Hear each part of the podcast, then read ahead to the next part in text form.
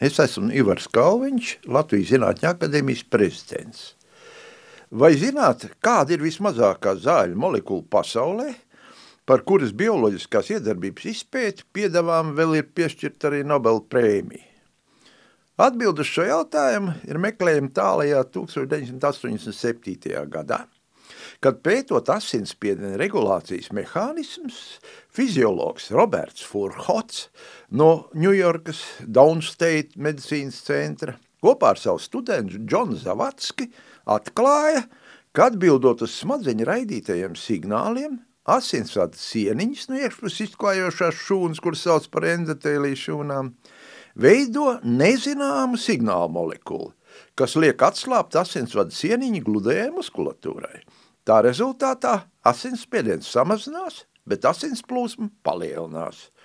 Pašiem viņiem gan neizdevās noskaidrot, kas tā īsti ir par vielu.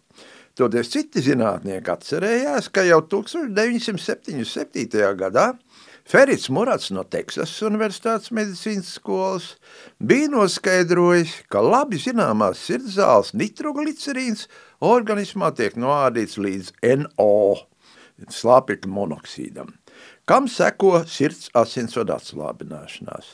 Un tā zinātnieku grupa Luisa Ignaro vadībā no Losandželos, Kalifornijas Universitātes medicīnas skolas un Salvador Monkādas vadītie pētnieki no Velkam pētnieciskās laboratorijas Beckenhamā, Anglijā – 1987. gada janvārī praktiski vienlaicīgi nopublicēja savu pētījumu rezultātus, kas pierādīja, ka šī noslēpumainā signāla molekula fantoms nav nekas cits kā labi zināmais slāpekļa monoksīds. Šī divu atomu molekula mūsu audos un asinīs dzīvo nedaudz ilgāk par piecām sekundēm – taču pa šo laiku paspēja iespiesties muskuļaudu šūnās un palaist reakciju kaskādi, kas beidzas ar asinsvadu muskuļaudu atslābināšanos. Par šiem pētījumiem Ferits Murats, Roberts Furhots un Luis Ignarro 1998. gadā tika apbalvota ar Nobel prēmiju. Šobrīd NO ir mazākā molekula pasaulē, kur ir atzīta un tiek lietot kā medikaments. Šīs zāles gāzveida formā lieto tādu zīdaiņu ārstēšanā, kam ir kritiski paaugstināts asinsspiediens plaušās.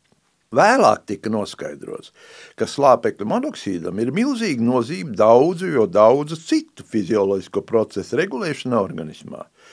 Izrādījās, ka šī molekula ir nervu signālu pārnesēja arī mūsu smadzenēs un ir iesaistīta atmiņas procesos – Smadzeņu uzbudinājuma laikā to sintēzē ap 5% neironu, un tiem NO nav bīstams.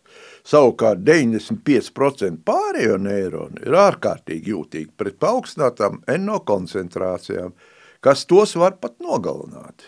Ar šo fenomenu mēs varam izskaidrot cilvēku sajukšanu prātā pārlieku liela pārdzīvojuma rezultātā. Arī vispārējo ievērību gūšā medikamenta sildenafila, kas plašāk pazīstams kā Viagra, darbības pamatā ir tieši NO izsauktās ķīmiskās pārvērtības. Vēl viens NO darbības aspekts ir tā spēja kontrolēt trombu veidošanos procesus organismā. Un it kā ar to vēl nebūtu gana, atklājās, ka arī cilvēka imūnas sistēmas šūnas spēja ražot NO, ar kuru palīdzību tā spēja nogalināt vēža šūnas, baktērijas un vīrusus.